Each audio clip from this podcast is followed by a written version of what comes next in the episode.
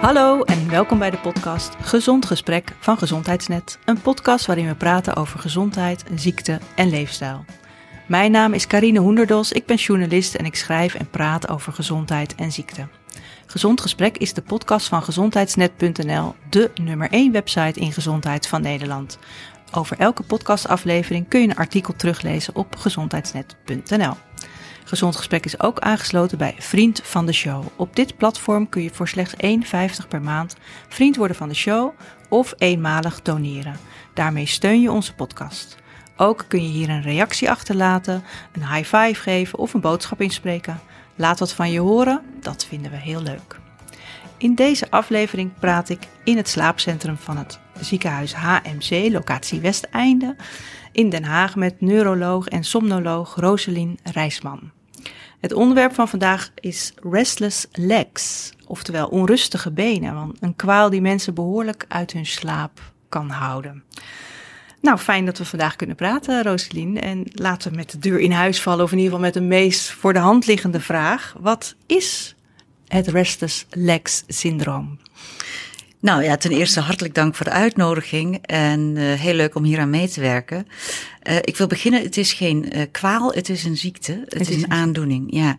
En het restless leg syndrome is een aandoening die we eigenlijk alleen kunnen diagnosticeren op basis van het typische verhaal. We hebben dus geen test om het vast te kunnen stellen. Dus het verhaal wat, wat de patiënt naar jou doet, daardoor, daardoor denk je, oh, dat is, moet dit syndroom zijn. Ja, inderdaad. Ja. En um, waarbij we ook zaken moeten uitsluiten die erop lijken. Maar er bestaan vier kardinale uh, criteria, dus de absolute criteria waar een patiënt aan moet voldoen om de diagnose te kunnen stellen. En de eerste en de allerbelangrijkste is een bewegingsdrang. En die bewegingsdrang die kan gepaard gaan met onaangename sensaties in de benen. En, die uh, bewegingsdrang is ook alleen in de benen, hè? Het heet ook het restless legs, dus het onrustige benen, of... Ja, ik zal daar nog straks een beetje meer over ja. vertellen. Want hoe ernstiger het is, hoe meer het kan spreiden in het lichaam. Okay. Die onaangename sensaties, dat zijn sensaties die eigenlijk niet één entiteit hebben. He, dus het, uh, het is zeker niet een, een gevoelstoornis aan de huid. Dus het is niet tinteling op de huid. Uh, zoals je wel eens kan zien bij een ziekte zoals polyneuropathie, dat de uitlopers van de zenuw het minder goed doen. Maar het kan uh, een stroomgevoel zijn, uh, een, een, een soort mierengevoel in de benen, een, een, een, en vaak onbeschrijfbaar. Ze vinden het moeilijk om te omschrijven. En dat zit niet aan de oppervlakte, maar vaak diep in het been. Het begint vaak uh, diep in de kuiten. Dus niet in de voeten of in de tenen, maar vaak in de kuiten. En het kan simultaan of alternerend zijn in uh, het ene of het andere been. En het volgende criterium, want eigenlijk het eerste criterium bestaat uit twee criteria. Hè, dus ja. de bewegingsdrang met gepaardgaande met een onaangename sensatie. Maar deze wordt uitgelokt in rust. Oké, okay. dus dat gevoel krijg je als je in rust bent. Ja. ja. En, um, uh, en beweging onderdrukte klachten. Ja. Dus de beweging moet effectief zijn voor de klachten te onderdrukken. In ieder geval zolang dat beweging duurt. En het heeft een intrinsieke 24-uursritmiek. Dat betekent dat de klachten met name in de avond en de nacht optreden. Mm. Als de aandoening ernstiger wordt, dan kunnen die vier criteria een beetje gaan verdwijnen. In de zin dat, één, het kan spreiden over het lichaam. Het kan ook in de armen voorkomen, mm. soms ook in de romp. In het gelaat kennen we het eigenlijk niet. Dan moeten we aan andere dingen gaan denken. Het kan ook zijn dat uh, uh, na een hele korte duur rust eigenlijk de klachten opkomen en dat beweging niet meer helpt. En als het heel veel ernstiger wordt, dan kan de klacht ook steeds vroeger op de dag optreden en soms ook wel eens de hele dag aanwezig zijn. En dat 24 uur ritmiek iets minder evident voor, uh, voorhanden te liggen. Ja. Maar dan moet je altijd teruggaan naar hoe het begin was. Ja, toen het, het aanving. Ja. En dan moet het voldoen aan die vier criteria. Ja, dus een onrustig, raar gevoel in de benen. Wat, of in rust. En wat meestal s'avonds begint. En als je die signalen hebt, dan het, het, maar we zijn er nog niet, want er zijn de, nog de cardinale is het bewegingsdrang. Zonder bewegingsdrang, dat ja. gaan we eigenlijk al niet meer denken aan oh, rusteloze okay, benen. Okay, ja. ja. Bewegingsdrang is absoluut noodzakelijk. Ja, dus je, je voelt iets waardoor je je benen wel moet bewegen. Ja, ja, en als die bewegingsdrang er niet is, dan zijn er heel veel andere neurologische aandoeningen die erop kunnen lijken. Ja. Oké, okay, nou He, bijvoorbeeld uh, een drukneuropathie. Als er een zenuw is die uh, nogal oppervlakkig ligt, bijvoorbeeld uh, aan de zijkant van de knie Dat is een nervus peroneus. Die kan, als je zo gekruiste benen zit, die kan onder druk komen. Ja. En als je dan gaat bewegen, nou ja, een positieverandering doet, dan is die druk weg en dan kan het rotgevoel verdwenen zijn. Ja, is dat een bewegingsdrang? Nee, dat is een positieverandering. Ja. Is dat een, een, een onaangenaam sensatie? Ja, zeker. Maar het is omdat een zenuw onder druk zit, dat de functie van de gevoelsdeel van die zenuw uh, beperkt Ja, wordt. dus dat jij, gaat, jij gaat goed vragen. Als iemand Ja. met dit soort klachten komt, ga je goed doorvragen. moeten ja. we heel goed doorvragen. Ja. ja. Oké, en zijn er nog meer criteria? Nou, dit zijn de absolute criteria. En ja, in het kader van wetenschappelijk onderzoek zeggen we altijd... we moeten andere zaken uitsluiten. Nou, een beetje open deur. maar dat is in het kader van wetenschappelijk onderzoek... bijvoorbeeld epidemiologische studies en grote eh, studies eh, onder de bevolking... dat je kijkt hoe vaak komt het nou voor. Ja, dan moet je wel je best doen om zaken uit te sluiten die erop lijken. Dus Ja. daarom staat dat erbij. En dan heb je ondersteunende criteria voor, eh, voor de rustloze benen. Dus als je uit die vier absolute criteria er niet helemaal uitkomt, dan heb je een ondersteuning waaronder eh, eh, het voorkomen van periodieke beenbewegingen tijdens slapen. Ook wel een afkorting periodic limb movements during sleep, PLMS. PLMS. Ja. Ja. En eh, nou, die komen in 80 tot 90 procent van de patiënten met rusteloze benen voor. En merk je dat? Nou, dat hoeft helemaal niet. De Ehm, partner die naast, naast je ligt waarschijnlijk. Kan, maar hoeft ook helemaal niet. Wij meten dat uh, tijdens een slaapregistratie. Hè, dan word je behangen met allerlei draadjes aan het lichaam. Maar ook met oppervlakte-elektroden op een, uh, op een spier aan het onderbeen. Wij noemen die de musculus tibialis anterior. En als die aanspant, dan is, hè, en voldoet aan bepaalde criteria, dan kan die gerekend worden als een periodieke beenbeweging. Dus nou, dat kan een lichte aanspanning zien, zijn zonder dat je heel evident een grove beweging ziet. Maar het kan best wel eens grover aan toe gaan in de nacht. En dat zijn hele periodische bewegingen die, uh, die een bepaalde duur hebben, tot maximaal 10 seconden. En met een bepaald interval terugkomen en in reeksen voorkomen. En nou ja, goed, zoals gezegd komt dat in 80 tot 90 procent van de gevallen voor. Als je dat hebt, of iemand, eh, een partner, een bedpartner ziet dat, heb je dan rusteloze benen. Nou, omgekeerd werkt het niet helemaal zo. Nee. Want periodieke beenbeweging komt heel veel voor in de algemene bevolking, uh, maar is niet specifiek voor rusteloze benen. Hm. He, dus het ondersteunt diagnose, maar je weet het niet zeker Ja. als het er is. En Kan als je het hebt, is het dan, eh, zou het wel een voorteken kunnen zijn dat je uiteindelijk rusteloze benen krijgt? Of? Nee, ook zelfs dat Ook kunnen we niet. niet zeggen. Het is, het is, uh, het is. Uh, soms zie je wel dat mensen eerst meer uh, evident periodieke beenbeweging in de slaap hebben. En misschien wat later rusteloze benenklachten evidenter krijgen. Maar het is niet zo dat het een risicofactor is vooraf en dat je dan weet met hoeveel uh, ja, uh, risico je dan de rusteloze benen kan Ja. krijgen. Het is niet, niet echt voorspellend voor rusteloze benen, nee. Nou, dat is dus een van de ondersteunende criteria. En een andere is een positieve reactie op dopaminerge medicatie.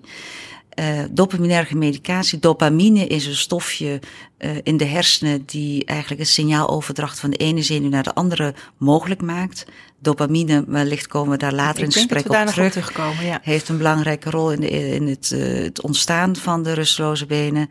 Um, maar is ook heel specifiek bij de, deze combinatie van klachten, dat deze aandoening reageert uh, op dopamine-medicatie en alles wat erop lijkt eigenlijk niet. Je moet altijd waken voor placebo-effect, maar uh, een, een, dus het onderdrukken van de rusteloze benen met dopaminergica kan je helpen uh, voor het stellen van de diagnose. Ja, oké, dus dan, dan heb je al die vragen gesteld en dan denk jij als neuroloog, nou waarschijnlijk zijn het rusteloze benen. Ik geef dit medicijn en als een persoon daar goed op reageert, dat betekent dat dat jouw diagnose nog duidelijker wordt. Ja, ja, ja. en als je twijfelt, kan je altijd nog een keer opnieuw een proef. Want je wil ook uitsluiten of het placebo is, maar zeker dit kan ondersteunen. Ja. ja. Oké. Ja. En hoe vaak komt dit nou voor? Ja, ja, er waren nog twee Oh, andere nog ondersteunende... niet klaar, ja. ja, nee, nee. Het familiair voorkomen. Oh, ja. Is het want- erfelijk? Ja, het is erfelijk. eh, eh, als het familiair voorkomt, dan is de er- overervingskans eh 50 tot 60 procent. Oh, dat is fors. dus, eh, Ja. dus, eh, dus het risico is daar eh, wel degelijk als het familiair voorkomt. Bij een van de ouders of bij allebei? bij een van de ouders. Maakt Mhm. niet uit, moeder Ja. of vader. Dus die kunnen het net zo goed eh, overbrengen.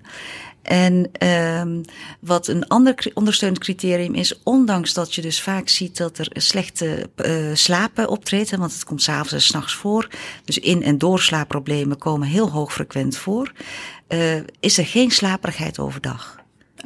En dat, eh, dat helpt ook in het is eigenlijk een soort, wij, wij noemen dat een groep van hyperarousal disorders. Dus dat je een hyperalertheidsniveau hebt, de drempel om wakker te worden lager is en alert te blijven ook ja, eh, hoger is dan de, de druk om te gaan slapen. Ja. Ja. Oké. Ja. Nou, dat zijn een hoop criteria. Ja. En, en is dit, is dit eh, nou ja, wat ik net al vroeg, komt dit nou veel voor? En komen mensen veel met jou met deze, bij jou bij deze klacht? Nou, de, de aandoening is hoogfrequent. Het is een hoogfrequente neurologische aandoening. eh een van de meest voorkomende eigenlijk. En ehm, eh, En hoeveel, heb je een Ja. percentage? Ja, tussen de 5 en 10 eh, eh, procent eh, van de algemene bevolking in de westerse omgeving. Oh.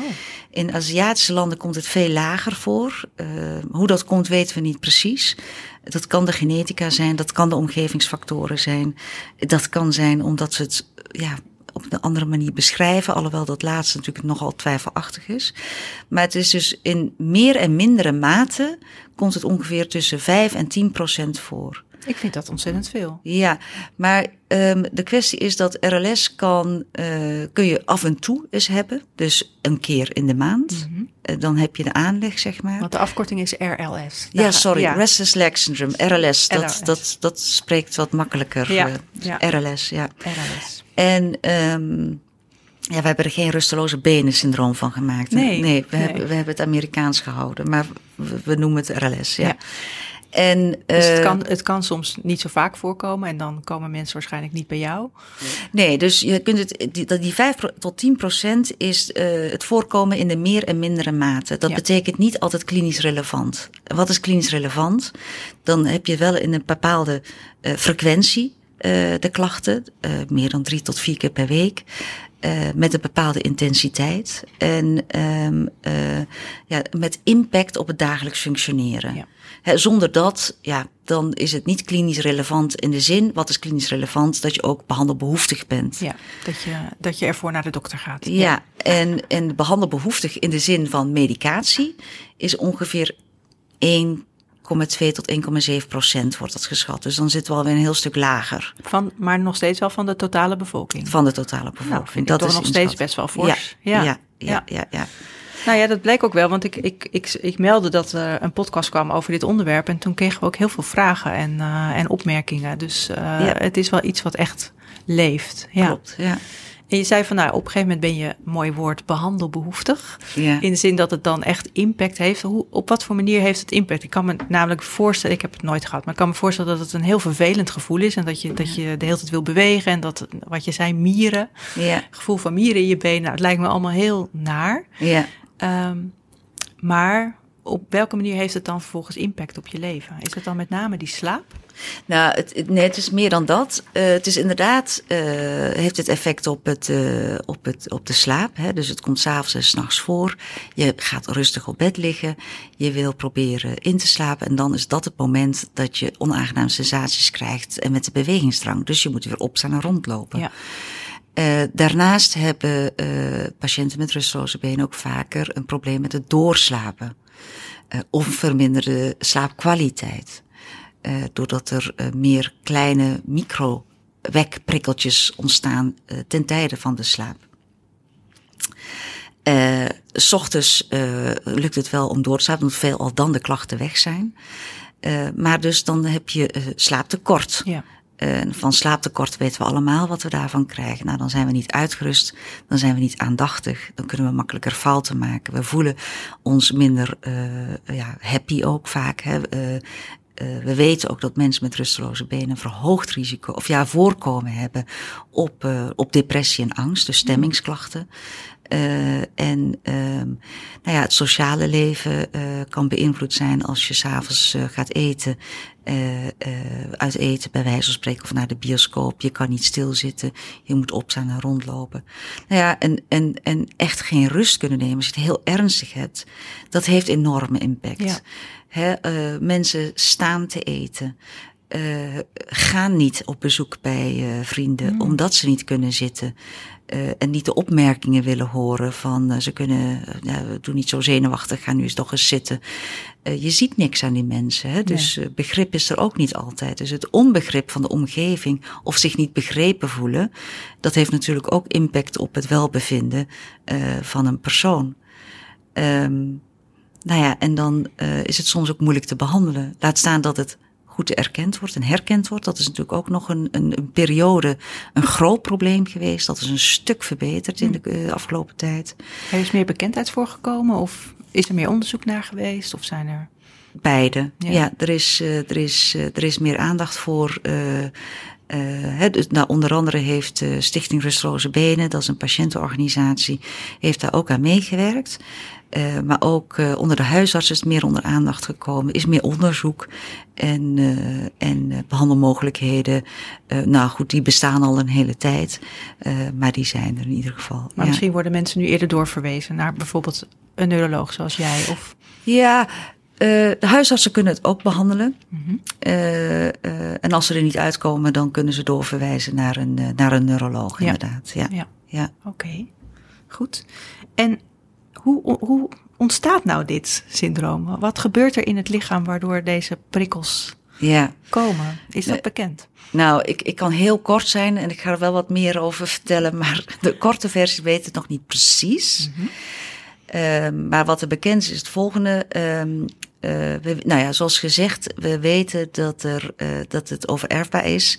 En er zijn wel risicogenen uh, aangetoond. Dat betekent dat als je die genen hebt, dan, dan heb je bepaald verhoogd risico. Maar dat bepaalt niet alles. dan zullen vast omgevingsfactoren zijn die wij nog niet kunnen identificeren. Uh, wat tot nu toe bekend is, ja, wat er eigenlijk niet helemaal optimaal verloopt in het lichaam, is uh, dat er een, een uh, dat ijzer een belangrijke rol speelt. We weten dat ijzer in de hersenen verlaagd is. En ijzer is belangrijk ook in de hele samenwerking van allerlei neurotransmitters. En, uh, wat dat, zijn neurotransmitters? Ja, sorry, dat is het stofje uh, hè, wat de, de, boodschap van de ene zenuw naar de andere zenuw mogelijk maakt. Boodschapperstofjes in de hersenen. Ja. ja. En um, daarin is adenosine, dopamine eigenlijk het allerbelangrijkste en glutamine zijn dan de drie stofjes die ja, op een, een of andere manier verkeerd werken en uh, die daar een rol in spelen. En, uh, en ze werken niet goed als er als ijzer laag is in de hersenen. Ja, dat ja. is het idee dat als het ijzer te laag is, dat in die, uh, die hele samenwerking en die productie van die, die, die stoffen, dat dat anders werkt. Ja. Uh, en daar zit ook het speelveld in voor de behandeling op, uh, op die, uh, die systemen, zeg ja. maar.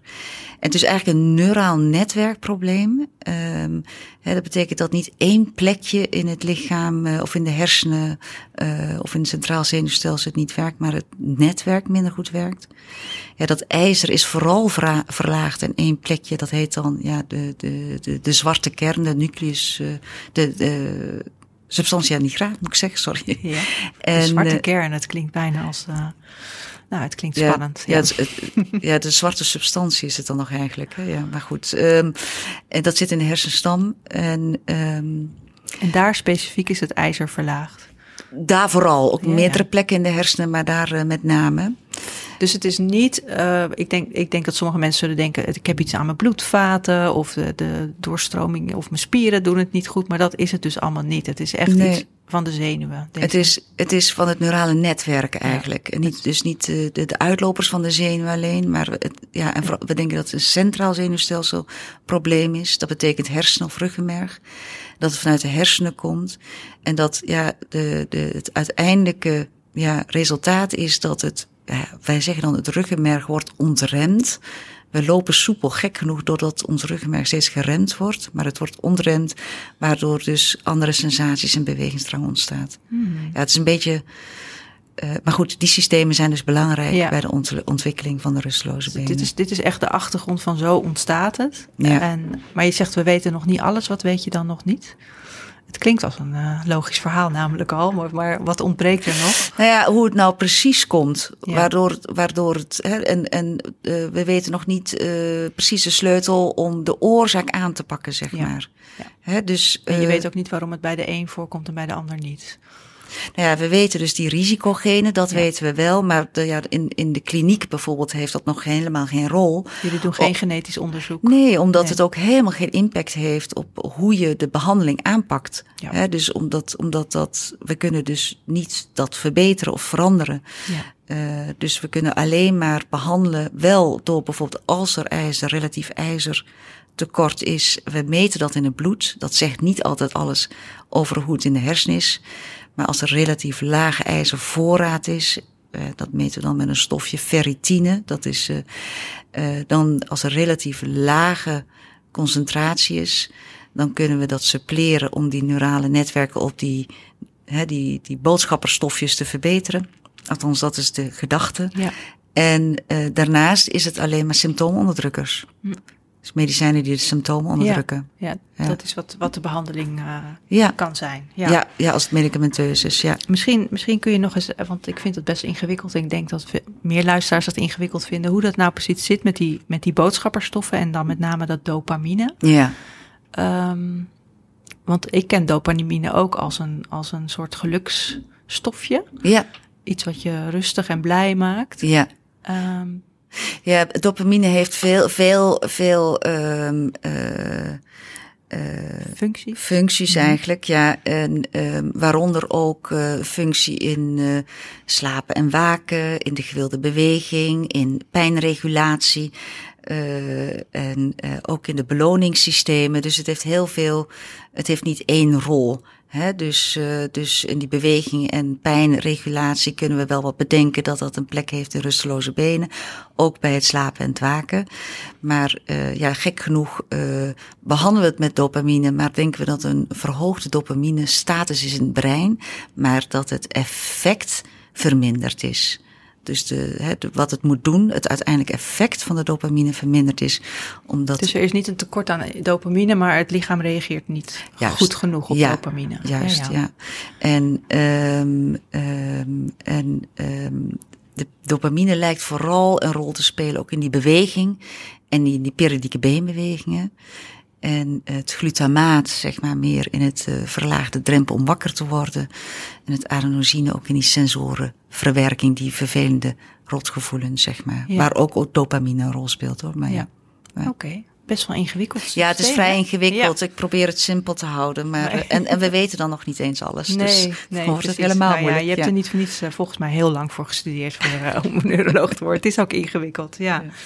En bij, bij welke mensen, je zegt van er is een, uh, een uh, genetische aanleg, komt het bijvoorbeeld meer voor bij vrouwen dan mannen? Ja. Of, ja. Oh. Sorry, dat had ik nog niet verteld. Maar uh, inderdaad, het komt twee keer vaker voor bij vrouwen dan bij mannen. Um, het, het, het, lijkt niet te komen door een verschil in hormoonhuishouding. Uh, wat wel zo blijkt, is als we kijken naar vrouwen die uh, nooit kinderen hebben gehad, dat de prevalentie, het voorkomen onder mannen en vrouwen hetzelfde is. Hmm. We weten dat uh, rusteloze benen vaker voorkomt in het derde trimester van een zwangerschap. Ja, dat heb ik ook gehoord. Dat zwangere vrouwen zeggen: Oh, maar dat had ik in de zwangerschap. Ja, ja. en uh, dat is ongeveer de, de, het voorkomen 30% in vergelijking met uh, 10%.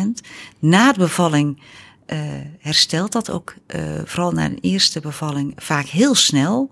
Sneller dan dat het ijzer herstelt eigenlijk. Want we denken dat het ijzer is. Hmm. Maar dat is niet het hele verhaal. Ja, wat het wel het hele verhaal is, weten we niet.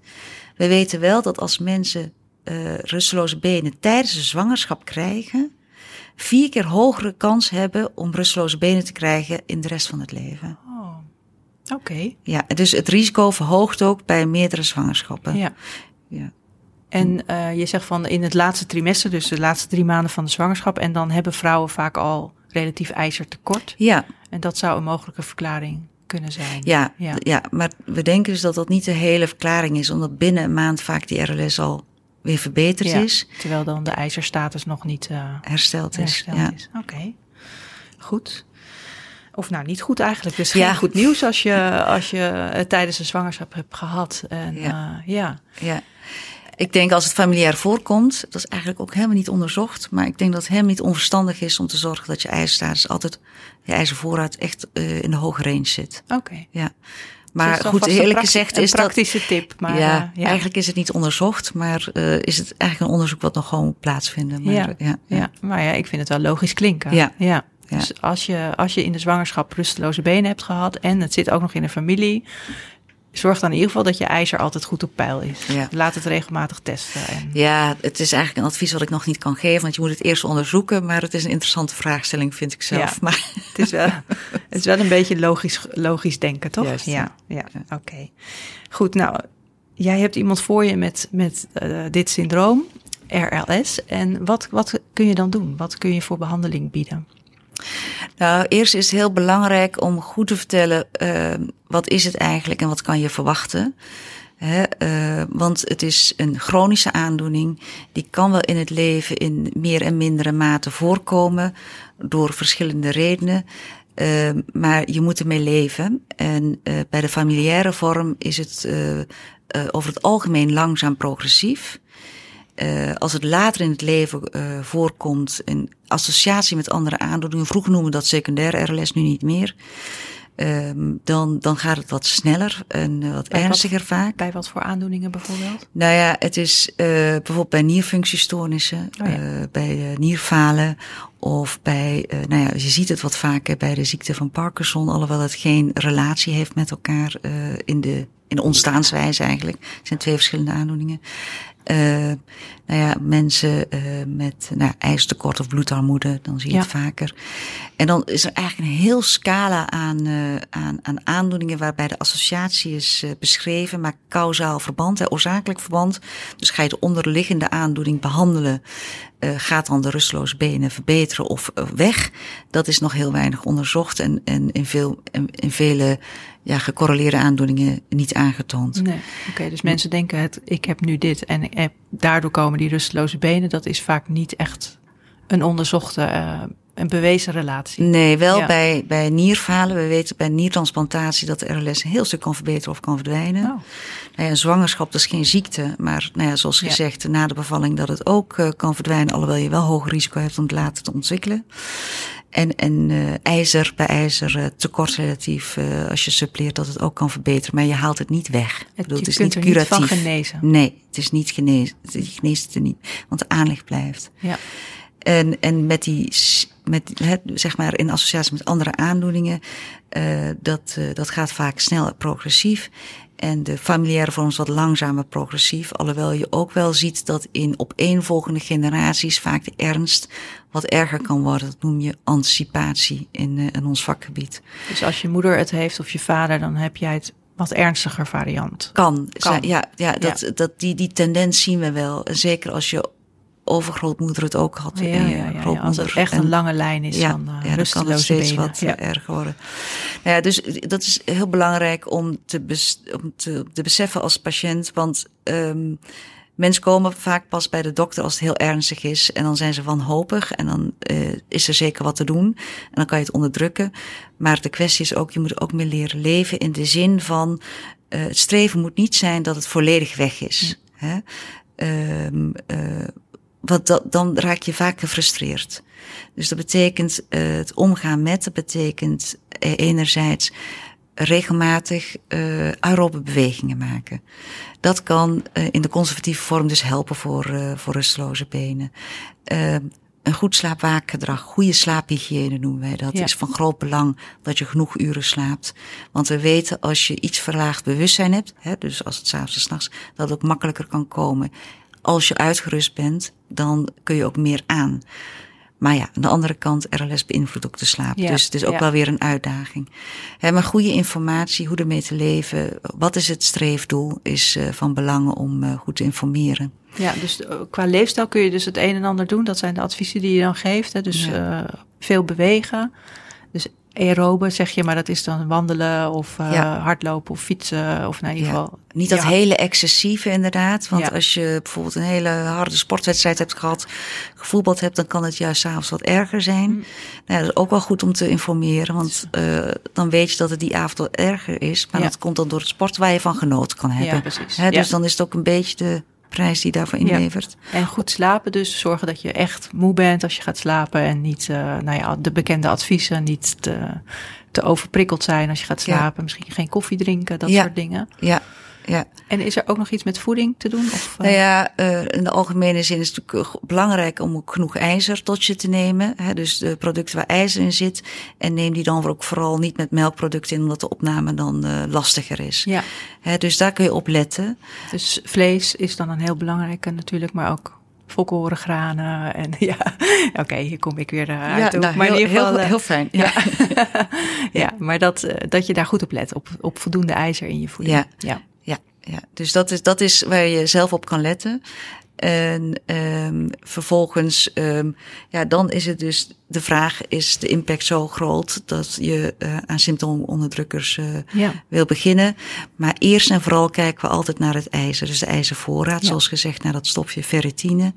En uh, nou ja, afhankelijk van welke mate het aanwezig is, kan je overwegen om ijzer met tabletten te krijgen. Dus, uh, uh, ofwel, soms doen we ook intraveneuze toediening.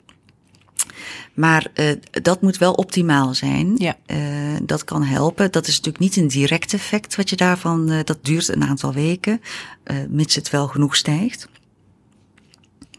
En het is geen 100% effect. Nee. En dan kan het zijn dat je ja, medicatie nodig hebt die de, de klachten kan onderdrukken. Ja. Dus stap 1 ja. is acceptatie in dat het een chronische aandoening is en daarmee leren leven. En Ja. stap twee is check dat ijzer. Ja.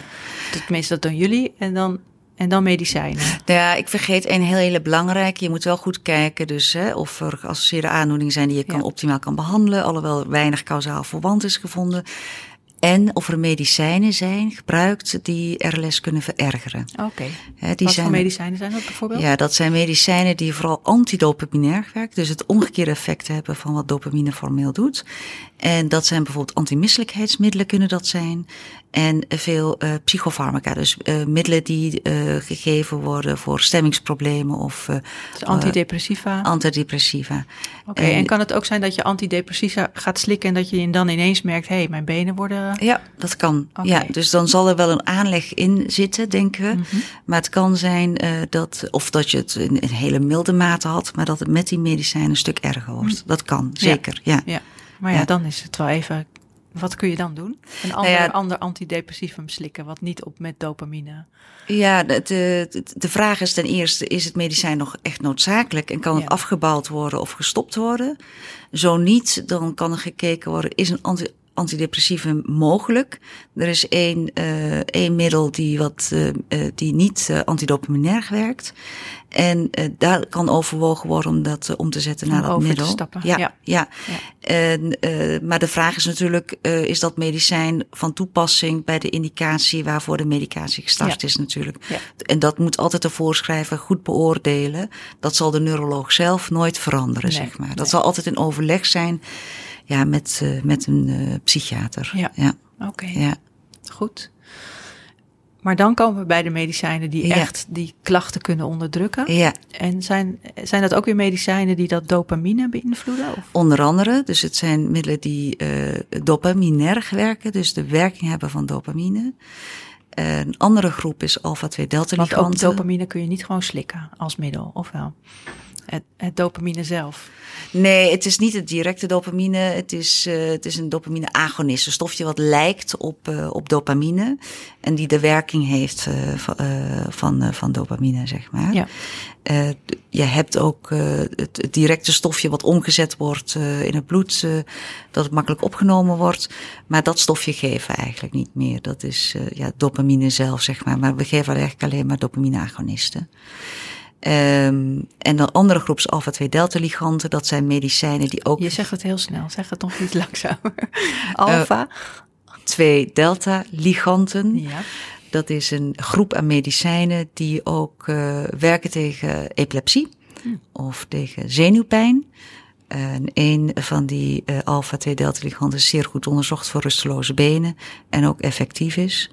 En ik, ik weet niet of ik de uh, generieke namen mag noemen Ja. in deze podcast. Ja, ja. het is geen dus, eh, ja, en, ehm, ehm, en daarnaast, als het zeer ernstig is, en combinatie van die medicijnen of er treedt augmentatie op, daar zullen we misschien ook nog over eh, praten, is, dan zijn het opiaten. Dan heb je het over. Ja, ja, dus dat, is, dat doen we liever niet. nee. Maar in sommige gevallen is dat wel Opiaten, nodig. dat zijn echt pijnstillers die, Ja, die echt een... Ja, wat voor effect hebben ze eigenlijk? Nou, het werkt dus ook op het totaalpakket van de rusteloze benen. Dus de bewegingsdrang en de onaangename sensaties. Uh, maar goed, we kennen het natuurlijk uh, voor de behandeling van ernstige pijn. Ja. Hè, dus uh, daar wordt Maar we kennen het ook omdat het een verslavend effect heeft. Ja, Ja. dus dat, dat kan, het, kan het hebben. Daar is wel een groot vooruitkijkend onderzoek gaande in Amerika. En eigenlijk zien we dat nagenoeg niet bij deze groep. Uh, waar het niet dat in de voorgeschiedenis misschien wel al een verslaving was, dan moet je het absoluut niet geven. Mm. Maar hoe dan ook zijn we heel voorzichtig en uh, geef het liever niet. En als het kan, uh, tijdelijk. Ja. Ja. Ja. Maar die drie groepen, en waarbij formeel de dopamine alpha-2 delta liganten even goed werken. Maar bij de dopamine hebben we tegenwoordig eigenlijk geen voorkeur meer voor een eerste, als eerste keuzemiddel. Want? Nou, omdat het, het kan heel goed werken in het begin. We hebben een uh, hele vervelende risico's. Augmentatie is eigenlijk een Engels woord uh, wat voor Nederlands is, augmentation. Mhm. En dat betekent eigenlijk het, meer, het groter maken dan dat het was. Dus door de medicijnen dat je meer rusteloze benen krijgt. Oh, en dus in het begin werkt het en uiteindelijk neemt de kwaal alleen maar toe. Ja, en, en uh, dat, dat is moeilijk te onderscheiden van de natuurlijke progressie. Want uh, natuurlijke progressie, dan uh, kan het intenser worden, spreiden over het lichaam, vroeger op de dag optreden, na kortere duur rustend optreden. En diezelfde criteria gelden voor augmentatie. Mm. Um, het enige is dat het eigenlijk een soort paradoxaal effect is van de dopamine, van het medicijn wat je geeft. He, dus in plaats van minder klachten, meer klachten. Maar dat is niet een direct effect als je augmentatie hebt, verergering van de rusteloze benen, wat vooral gekenmerkt wordt door vervroeging van de klachten, dus twee uur of meer. Mm -hmm. um, en um, dan uh, kan je best meer dopamine geven, kan het best even werken, maar uiteindelijk wordt het erger. Mm. Het idee daarachter is dat dat komt doordat um, in de, de receptoren, de ontvangers van dat stofje, de verhouding verandert de D1, dopamine 1 en dopamine 2 receptoren verhouding verandert.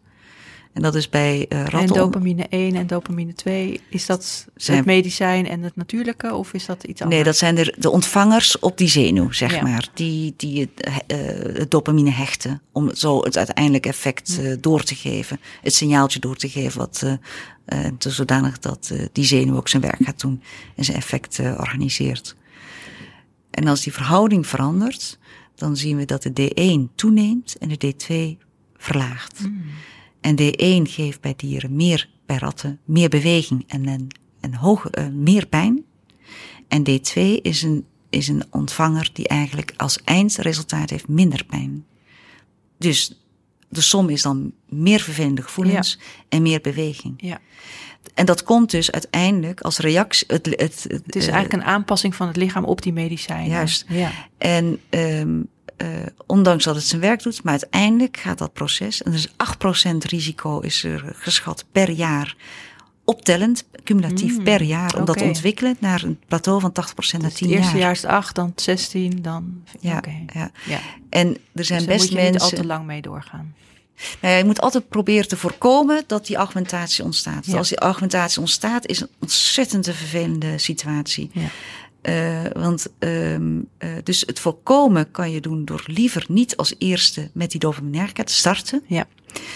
Die, alf, he, de, die alpha-2 delta liganten, die, uh, Die hebben deze bijwerking niet. die hebben dat niet. En soms kun je wel eens reden hebben om dat niet te mogen krijgen. Dus dan moet je wel dopamine uh, starten. Of dat die medicijnen niet genoeg werken. Dan kan het ook zijn dat je dopamine toch voorgeschreven kan krijgen. Uh, maar we zeggen altijd less is more. Hoe minder, hoe beter.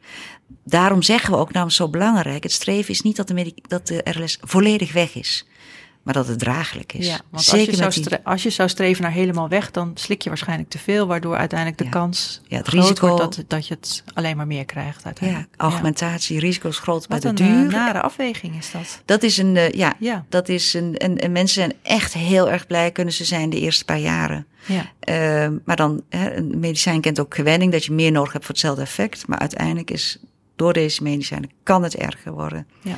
Nou, en als je in die augmentatie zit, dan kan je dat tijdelijk ondervangen. Je kan best even weer verhogen. Maar uiteindelijk gaat dat proces door, hè, van Ja. die wanverhouding van D1 en D2 receptoren. En dat betekent, het gelukkig is dat wel omkeerbaar.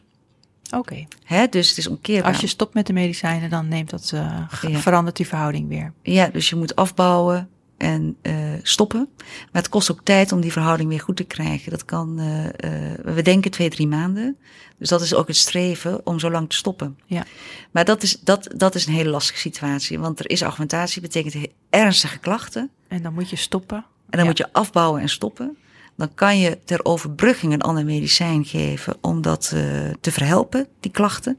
Bij het, eerst bij het afbouwen en stoppen krijg je eerst onttrekkingseffecten. Want al die ontvangers, die, ja, die, die, die, die, ja, Die willen Als die stof, ja. die willen die stof. Mhm. Ehm, en die krijgen dat niet. En ehm, dan krijg je eerst dus ja, eigenlijk nog meer toename kan je krijgen. Voordat die balans weer terugkrijgt. Ja, En na twee, drie maanden zie je, kijk je, nou wat is je originele RLS? ja. Maar ja, dat is een heel moeilijk proces. Dus dat moet je proberen te, als het te, Te erg is, te voorkomen. voorkomen met andere medicatie. En dat kan die alpha-2-delta-liganten zijn. Of dus tijdelijk die opiaten. ja. Oké. Ja. Toen ik, eh, toen ik dus zei van ik ga deze podcast maken over dit onderwerp, toen werd er heel vaak geroepen magnesium, magnesium, magnesium. Daar heb ik jou nog niet over gehoord. Wel Nee. over ijzer, maar niet Ja. over magnesium. Hoe Ja, dat? magnesium en vitamine D is ook zoiets eigenlijk. Ehm, dan, ehm, daar is één hele kleine studie gedaan en waar een positief effect uitkwam. Maar dat is ja, te slecht be- studie bevonden om dat als een, eh, als een eh, evidence-based, be- bewezen, Mhm. wetenschappelijk bewezen therapie te hanteren. Toch is het iets wat mensen uit zichzelf doen en daar ook wel goede ervaringen mee hebben. Is het dan wel echt, zijn het dan wel echt rusteloze benen of is het dan iets anders? Nou, het is niet zo als het helpt dat het dus dan geen RLS is. Kijk, het, het interessante bij rusteloze benen is dat het placebo-effect veel hoger is dan bij andere aandoeningen. Oh, Dat is op zich wel een heel interessant eh, gegeven. En dat komt omdat het placebo-effect, dus eh, je, je van denkt dat je, bijvoorbeeld ijzer of, of niet. Wat bedoel je met het placebo-effect? placebo-effect is dat je feitelijk denkt dat je een medicijn Mhm. slikt, maar feitelijk geen actieve stof in zit en het is werkzaam. Ja. Dus dat het dus eh, de klacht onderdrukt. Dus als jullie medicijnen onderzoeken, dan zie je dat je de placebo-groep ook altijd heel goed reageert. Ja, en beter dan het, het, het algemeen geschatte placebo-effect. En dat komt eigenlijk omdat placebo werkt via het dopaminerg systeem en het opiatensysteem. Ja, Nou, dus eigenlijk geen enkele aandoening die via die eh, neurotransmitters eh, behandeld kunnen worden. Dus in die zin verwacht je ook een hoog placebo-effect. Daarnaast is RLS ook een, een aandoening die komt en die gaat. Dus als het een paar dagen goed gaat, dan, dan kan dat ook nog eens een keer bijdragen aan het eh, placebo-effect. Dat het door het medicijn komt, maar dan is het natuurlijk een Ja. fluctuatie. je zou bijna zeggen, schrijf eens een placebo voor. Of doe je dat... eh, Ja, dat mogen we niet doen, hè? ja, alleen in toestemming met, maar dan is het geen placebo meer. dan, Nee. dan weet je. Je moet het, iemand foppen natuurlijk. Ja, ja, ja. Maar dat, zo werkt het dus wel. Wat interessant. Ja, dat is op zich wel interessant. Ja, ja. Oké, maar magnesium zeg jij, dat kan dus een placebo-effect zijn? Of het kan... Ja, of het, het, eh, direct werkzaam is, maar dat kunnen we niet helemaal verklaren. En ehm, ja, op dit moment heeft het geen formele plek in de behandeling, omdat het gewoon niet eh, wetenschappelijk bewezen Nee. effectief is. En vitamine D? Nou ja, vitamine D is eigenlijk hetzelfde, is te weinig onderzocht eh, om, om daar iets over te zeggen en ook niet helemaal goed te verklaren nog. Eh, Dus dat is.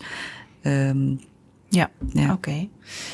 Ehm, er waren nog mensen die zeiden van, heeft het, dat heb je net al eventjes aangestipt, een, eh, een eh, relatie met de ziekte van Parkinson? Omdat dat natuurlijk ook iets met dopamine in de hersenen te maken Ja. heeft. ja. Hoe zit Ja. dat? Ja, dus hè, dat eh, denken veel mensen, omdat je dezelfde medicijngroep gebruikt, eh, dan zal het wel gelieerd zijn. Maar de ziekte van Parkinson is een, wij noemen dat een degeneratieve aandoening, dus cellen vervallen. En dat is bij rusteloze benen syndroom niet. Het is geen de- degeneratieve aandoening. Toevallig dat Er gaat dezelfde. niks stuk. Eh, nee, het, gaan, er verdwijnen geen, cellen, inderdaad. Het, uh, in die zin gaat het niet stuk, nee. En um, het is een heel andere uh, ziekte dan, uh, dan de rusteloze benen. Maar je zei wel, het komt wel vaker samen voor. Ja, en, en, en uh, dat kan zijn omdat uh, die mensen gebruiken ook dopamine. Zou het kunnen zijn omdat je vaak augmentatie ontwikkelt bij mensen die normaal een lage aanleg hebben. Wel aanleg hebben, maar niet zo Mm, ernstig. Dat die medicijnen juist die, die aanleg voor rusteloze benen weer sterker maken. Dat of uh, ja, door, door, dat, uh, door de werking van de dopamine bij de ziekte van Parkinson kan ook wel eens het uh, medicijn gaan uitwerken. Dan kun je ook eens op bewegingsdrang krijgen of vervelende gevoelens. Dus dan kan het lijken op rusteloze benen. En um, ja, dus, dus helemaal zeker weten hoe het komt, weten we niet. Maar het is niet zo dat als je rusteloze benen hebt, dat je een hoog risico op Parkinson. Uh, we zien wel bij de ziekte van Parkinson dat RLS vaker voorkomt. Ja, ja. oké. Okay. Ja. Um, nou, volgens mij heb ik wel echt de belangrijkste dingen genoemd. Ik wil eigenlijk alleen nog weten van als je, of jij hebt de belangrijkste dingen genoemd, ik niet. uh, als je nou uh, luistert naar deze podcast en je denkt, en je, ik heb rusteloze benen of ik herken dit en je wist misschien niet eens dat het zo heette. Um, wat kun je dan doen? Nou, kijk, het, um, um, uh, het hangt ervan af wat je impact is. Hè? Ik bedoel, als je af en toe het uh, bemerkt. Ik heb het ook af en toe. Ja. Heel af en toe als ik heel moe ben. Uh, of te weinig heb geslapen. Of nou, dan, dan kan ik dat wel eens herkennen. Nou, daar hoef je helemaal niks mee. Nee. Hè? Want ik heb geen impact op mijn dagelijks functioneren. Uh, maar als jij het gevoel hebt dat je slecht slaapt door de rusteloze benen, of dat je ja, uh, dingen moet onthouden door die rusteloze benen, uh, dan, dan. Dat dan, je niet meer naar feestjes gaat of, da, of naar de bioscoop of ja, dat soort dingen. Ja. ja. Nou, dan kan je eer, dan kan je, je, je denkt het is rusteloze benen, dan kan je natuurlijk aan de huisarts vragen van goh, is dat het? En, um, en nou ja, regelmatig bewegen met je voeding. Ja. En uh, goede slaaphygiëne. Dat is wat je zelf kan doen. Ja, en algemene adviezen worden geadviseerd als, als niet roken en niet te veel alcohol drinken. Maar feitelijk is dat nooit bewezen. Maar dat is in algemeen het natuurlijk belangrijk kwaad, ja. voor, uh, voor goed slapen. En het kan zeker geen kwaad. Uh, helpt dat niet genoeg en heeft het nog impact, dan kun je bij een huisarts gaan overleggen. Um, of het rusteloze benen is en wat de mogelijkheden zijn. En ja. zijn er huisartsen die dan ook die medicijnen gaan voorschrijven? Of moet je daarvoor echt bij een neuroloog Nee, zijn? nee, de huisartsen kunnen ook starten met de okay. behandeling. Ja. Ja. Ja. Ja. En wanneer komen ze dan uiteindelijk bij jou terecht? Of bij een Nou, collega de- van jou? In de richtlijn van de huisartsengeneeskunde staat als een bepaalde uh, dosering uh, wenselijk is. Dus boven een bepaalde drempel van een dosering van dopamine vooral. En uh, als ze twijfelen aan de diagnose kunnen ze ook verwijzen. Of uh, als, uh, als de medicatie helemaal niet helpt, dan kunnen ze verwijzen. Ja. ja. Oké. Okay. ja. Misschien nog goed om te melden dat je een boek hebt geschreven over rusteloze benen. Hoe heet het boek? Leef met rusteloze benen. Oh. En maar ik, ik weet niet of het nog, uh, uit, of het nog gedrukt wordt. Dus als er een heel hoge vraag komt. Ik zag het staan bij uh, bol.com. Nou ja, ze ja. kunnen het altijd nog herdrukken, toch? Uh, of het wordt een collectors item waar iedereen naar op zoek gaat. Ja, ja. ja, Ik vond het trouwens nog wel grappig dat ik met in mijn zoektocht op internet over dit onderwerp... dat ik echt hele rare tips vond. Ik vond bijvoorbeeld een tip om een, onder de lakens een, een stuk zeep te ja. leggen. Ja, ik, ik heb dat ook eens uh, lang geleden vernomen. En, en ik hoor meer mensen dat zeggen. Ik zou niet weten waar dat idee vandaan komt. Ja, nou ja, ik Geen zag dat idee. het bijvoorbeeld wordt gezegd door eh, de beroemde Dr. Oz in uh, Amerika. Die uh, altijd een vaste gast is bij uh, Oprah Winfrey. Oh, en, okay. en de gedachte is dan dat het, dat stuk zeep magnesium afscheidt in je slaap. Nou, het lijkt me echt totale oh. onzin. Maar ja. Dat, Misschien wil jij dat ook nog even zeggen. Ik denk het, het uh, placebo-effect is. Ja. ja. Dit is het beroemde placebo-effect. Ja. ja. kijk, bepaalde aandacht weten we. weten als je rustig zit en je aandacht verdwijnt een beetje, dat, dat, dat dan de rustloze benen, als het uh, relatief mild is, ook makkelijker gevoeld ja. wordt. He, dus dat als je dan alert gaat werken, dat je dan minder. Dus ik weet niet, misschien dat het van die zeep, dat het een soort aandacht genereert. Misschien dat het op die manier ja, ook werkt. Maar ja, het is onder de lakens, dus het is in je slaap. Het is bijzonder, ja. ja, oké. Okay. En, en dingen als massage van je benen of steunkous of dat soort dingen. Ja, massage, hè, mensen, uh, we weten dat bij Rust Been dat heel veel mensen zeggen als een soort uh, de input veranderen in het de verwerking van vervelend gevoelens, dus massage of, of een trilling, uh, dat dat ja, de verwerking van de onaangename sensatie en de bewegingsdrang kan onderdrukken. Uh, of bijvoorbeeld uh, uh, dat ze de benen in een koude bad steken, of ja. juist warmtebad. er is niet één en hetzelfde ervaring voor alle patiënten, maar iets van verandering van van uh, ja, een soort sensory trick noemen we dat. Hè? Dus ja. je geeft iets van input aan een verandering van, van gevoelens, dan uh, kan het het onderdrukken. Ja. Maar vooral ten tijde van, van, van de, de actie en niet zo zozeer aanhoudend, ja. zeg maar. Ja, ja oké. Okay. Maar het kan geen kwaad om dat soort dingen te nee, proberen. Nee, zeker is dat. Nee. Kan dat geen kwaad. Nee. nee. Oké, okay, nou ik vond het uh, een best ingewikkeld, maar wel heel duidelijk verhaal. Dank je wel. Graag gedaan. En uh, nou, als er nog vragen zijn, dan kunnen mensen die altijd uh, stellen. Goed. Je luisterde naar Gezond Gesprek, een podcast van Gezondheidsnet, gepresenteerd door Karine Hoenedos met producer Jonne Serize. De Yearlings maakte voor ons de tune. Wil je meer weten over het onderwerp van deze podcast? Kijk dan zeker op gezondheidsnet.nl. En wil je reageren? Dat kan. En dat vinden we heel leuk. Je kunt reageren via Vriend van de Show. Geef ons een high five, laat een opmerking achter of stel een extra vraag aan de gast. Alles kan. Vriend worden van Gezond Gesprek kan ook al voor 1,50 per maand. Kijk op www.vriendvandeshow.nl en zoek naar Gezond Gesprek. We zijn verder heel blij als je deze podcast deelt, bijvoorbeeld onder je vrienden of onder op social media. Dan kunnen meer mensen onze podcast vinden. Tot de volgende keer, tot het volgend gezond gesprek.